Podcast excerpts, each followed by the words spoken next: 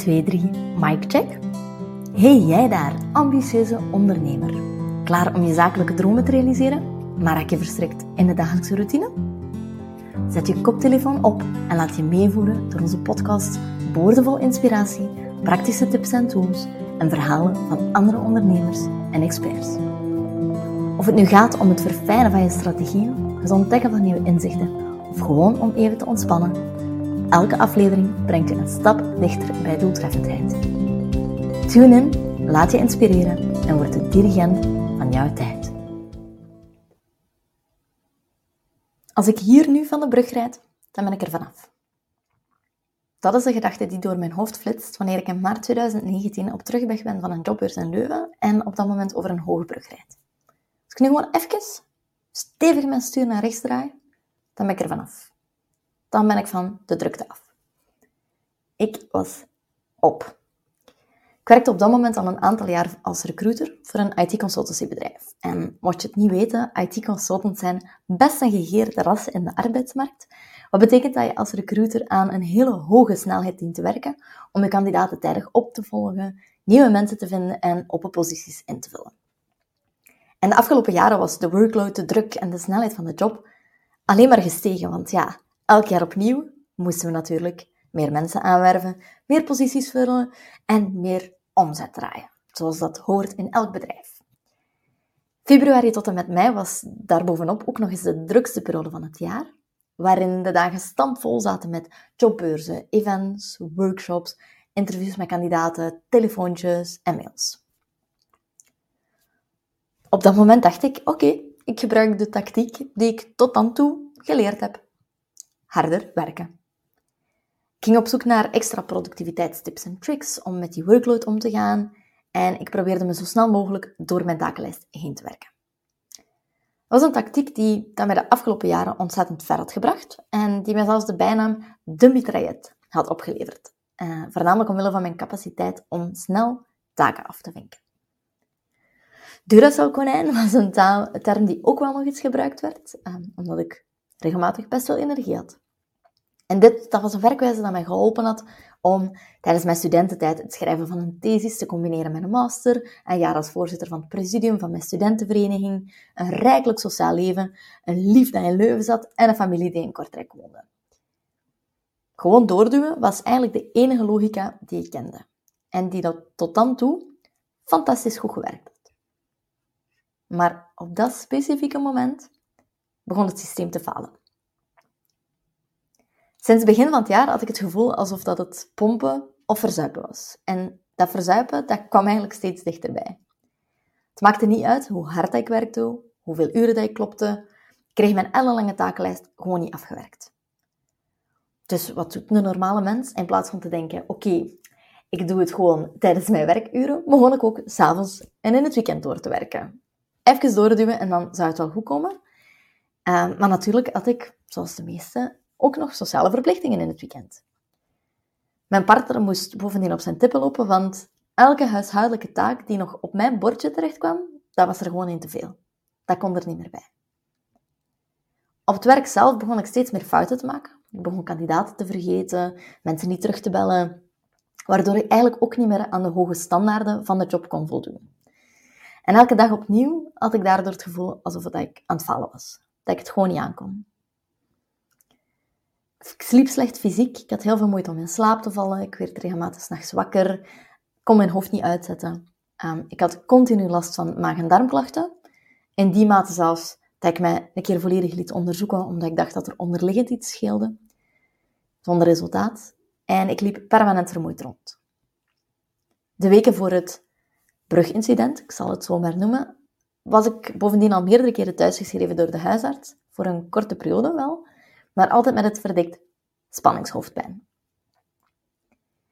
En ik denk dat ik op die brug gekraakt ben. Gelukkig wel, maar even. Want meteen na mijn gedachte, ik rij van de brug af, kwam er een nieuwe gedachte door mijn hoofd. Eigenlijk zelfs een concrete vraag. Hoe had dit kunnen gebeuren? Want ik was de productieve Ellen, de mitraillet, het Duracell-konijn. Ik was de persoon die tijdens haar eerste job meteen opzocht hoe ze haar mailbox efficiënter kon aanpakken met folders en regels om sneller door de mails te geraken.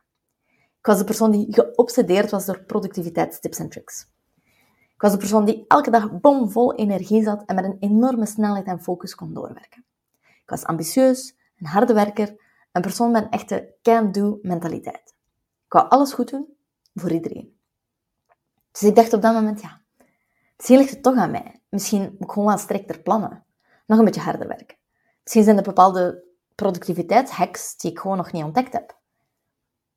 Het probleem was, en dat besefte ik gelukkig op dat moment ook wel, dat ik net diezelfde tactiek de afgelopen maanden consistent had toegepast. Ik had geprobeerd om beter te plannen, om slimmer te werken, om sneller te werken. En het had niets uitgehaald. En nu was ik zelfs tot op een punt gekomen waarop ik van een brug wil rijden. Gewoon om een einde te maken aan die enorme workload, stress en druk. What the F? En ik maakte de reflectie op dat moment, stel dat ik het zou doen. Stel dat ik het gedaan had, dat ik van die brug had gereden. En mijn leven zou op dat moment gedaan geweest zijn. Hoe zou ik mij daar dan bij voelen? En meteen kwam de gedachte, ik zou spijt hebben dat ik zo hard gewerkt heb. Ik zou dik spijt hebben van het feit dat ik zo weinig van het leven genoten heb. En ik zou echt wel dik spijt hebben over hoe dat ik mijn tijd de afgelopen jaren heb besteed. Als dat geen alarmbel is. Gelukkig liet ik op dat moment de brug aan mij voorbij gaan en slaagde ik erin om de knop, om te draaien. Want ik wou leven, maar liefst wel op een andere manier. De dag erna nam ik te midden van alle drukte vrij af, het kon me niks schelen, en ging ik lang en hard nadenken. Ik stelde me de vraag waarom en voor wie dat ik eigenlijk zo hard werkte. En ik kon geen betere antwoorden bedenken dan voor het geld, omdat het fijn was dat er elke maand iets op mijn, eh, mijn loon, allez, wat loon op mijn rekening gestort werd. Voor mijn gevoel van eigenwaarde, omdat ik productief en hard werkte. En om het klassieke beeld van succes in de maatschappij te gaan benaderen. En dat waren allemaal antwoorden waarvan ik op dat moment besefte dat ze niet goed genoeg waren. Ze waren het niet waard om over mijn eigen grenzen te gaan en al zeker niet voor een langere periode aan een stuk. Ze waren het niet waard om mijn kostbare tijd, aandacht en energie in te investeren. En dat exacte moment, dat zorgde voor een ommezwaai. Ik ging mijn leven en mijn werk door een hele andere bril bekijken. Een bril waarvan ik dacht, oh, het is misschien tijd om eens te gaan experimenteren met een andere aanpak. Een nieuwe definitie van productiviteit en succes. Een definitie waarmee ik de brug wou leggen tussen werk en welzijn. Op het werk besloot ik als eerste om helderheid te gaan creëren in mijn takenpakket. Ik keek eens waar ik nu in godsnaam allemaal mee bezig was. En toen ik dat overzicht had, besloot ik ook gewoon zelf te kiezen waar mijn prioriteiten lagen om mijn job goed te doen. En dat was mijn kandidaten optimaal opvolgen en begeleiden. Alles wat dat daar niet mee te maken had, zei ik niet tegen. Doordat het brugmoment ook echt kraakhelder nog in mijn geheugen, geheugen zat, dat is een moeilijk woord als West-Vlaming, geheugen, creëerde ik een soort van je voor alles wat mij niet dichter bij mijn prioriteiten bracht. En ik leerde dus over het algemeen gemakkelijker nee zeggen. Ik stond stil bij welke taken me energie gaven en welke niet. En ik focuste me vooral op de eerste categorie. Ik liet me niet meer uit lood slagen door een collega die aan mijn bureau stond met iets wat dat zogezegd meteen moest opgepakt worden, omdat het dringend was. En ook niet meer door onverwachte mailtjes, door mijn notificaties allemaal uit te zetten en ervoor te zorgen dat ik steeds onbereikbaarder was door vaker in een aparte ruimte gaan, te gaan werken. Mijn laptop liet ik aan het eind van de werkdag gewoon op het werk en ik gooide alle werkapps van mijn telefoon. Ik was onbereikbaar s'avonds. Begrijp me niet verkeerd, ik kwam mijn job nog altijd goed doen en ik werkte nog altijd hard, maar op een hele andere manier. Begrensd, vanuit rust en ratio en niet langer vanuit een opgejaagd en onproductief gevoel.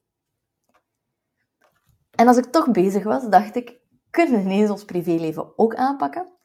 Dus ook op dat moment besloot ik privé dat er zaken moesten veranderen. Ik hield grote kuis in mijn sociale contacten en nam afscheid van vriendschappen die al lange tijd meer energie vroegen dan ze eigenlijk gaven. Ontdekte dat ik introvert ben, wat betekent dat ik van nature uit mijn batterijen moet opladen door tijd alleen door te brengen. Dat maakt het gemakkelijk voor mezelf, want voor mijn agenda betekende dat dat ik zondagen gewoon schrapte uit mijn agenda. Zodat ik elke week op zijn minst één dag had waarin ik iets voor mezelf kon doen. We schakelden een poetshulp in, want no way dat ik nog uren van mijn tijd zou investeren in iets wat ik zelf niet graag deed en iemand anders ook nog eens beter en sneller kon. Lifesaver. Elke dag voelde op dat moment aan als een geschenk. En nu nog altijd. Elke dag was een nieuwe 24 uur die ik cadeau had gekregen en die ik niet had gehad als ik mijn stuur helemaal naar rechts had gedraaid die dag. Dus ik voelde het ook als mijn ultieme verantwoordelijkheid aan om die 24 uur vooral te gaan geven aan wie en wat er voor mij echt toe doet. Ongeveer een dik half jaar na het brugincident voelde ik mij productiever dan ooit. Ik sliep beter, ik had ontzettend veel energie en ik stond gewoon vrolijker in het leven. Elke dag sloot ik mijn laptop met een voldaan gevoel, wetende dat ik mijn tijd aan mijn belangrijkste prioriteiten gegeven had. Allemaal doordat ik mijn grenzen in mijn tijd beter wist aan te geven, mijn aandacht gaf aan mijn belangrijkste prioriteiten en dan pas probeerde sneller en slimmer te werken. Vijf jaar later draag ik nog altijd de lessen mee van dat moment op de brug. En als ik heel eerlijk ben, dan moet ik toegeven dat echt vertragen voor mij nog altijd geen second nature geworden is. Dan heb je misschien al een klein beetje kunnen afleiden aan mijn tempo van babbelen. ik voel dat ik minstens nog eens vijf jaar ervoor nodig heb om die aloude gewoontes en gevoelens uit mijn systeem te gaan krijgen. Het is een work in progress, maar wat ik wel kan zeggen, vol trots, is dat ik elke dag tevreden ben over aan wie en aan wat ik mijn tijd, aandacht en energie geef. En als ik me diezelfde vraag terugstel als vijf jaar geleden en mezelf afvraag, als het vandaag gedaan zou zijn, hoe zou ik mij er dan mee voelen? Dan kan ik zeggen dat ik een volledig anders, ander antwoord zou geven. Als ik vandaag zou sterven, dan zou ik vol dankbaarheid terugkijken op de mooie en bewuste herinneringen die ik gemaakt heb met wie ik lief heb. Als ik vandaag zou sterven, dan zou ik vol trots terugkijken op het feit dat ik bewust wat trager ga in mijn ondernemersdroom, zodat ik voldoende tijd kan doorbrengen met mijn zoon van twee. Als ik vandaag zou sterven, dan zou ik me erin kunnen berusten, omdat ik mijn tijd optimaal heb geïnvesteerd. Als dat geen wereld van verschil is. En wat met die job uit 2019? Wel, hoewel ik door mijn nieuwe strategieën eigenlijk productiever werd dan ooit en steeds vlotter kandidaten aanwierf, besloot ik uiteindelijk om de job vaarwel te zeggen. Want de ondernemerskriebel zat al langer in mij en eindelijk had ik het ook helder welk bedrijf ik zou gaan opstarten. Ik zou anderen hun brugmoment besparen door mijn nieuwe definitie van productiviteit te verspreiden. Een definitie waarin we streven naar harmonie tussen werk en privé. Eentje waarin we ook streven naar harmonie tussen rust en resultaat. Eentje waarin we hard werken zolang het plezant blijft en zonder schuldgevoel een stap durven terugzetten wanneer het eventjes niet plezant is. Eentje waarin we onze kostbare tijd, aandacht en energie gaan geven aan wie en wat er echt toe doet. Eentje met een nieuwe definitie van productiviteit en time management. En daarover vertel ik je graag meer in een volgende aflevering. Tot dan!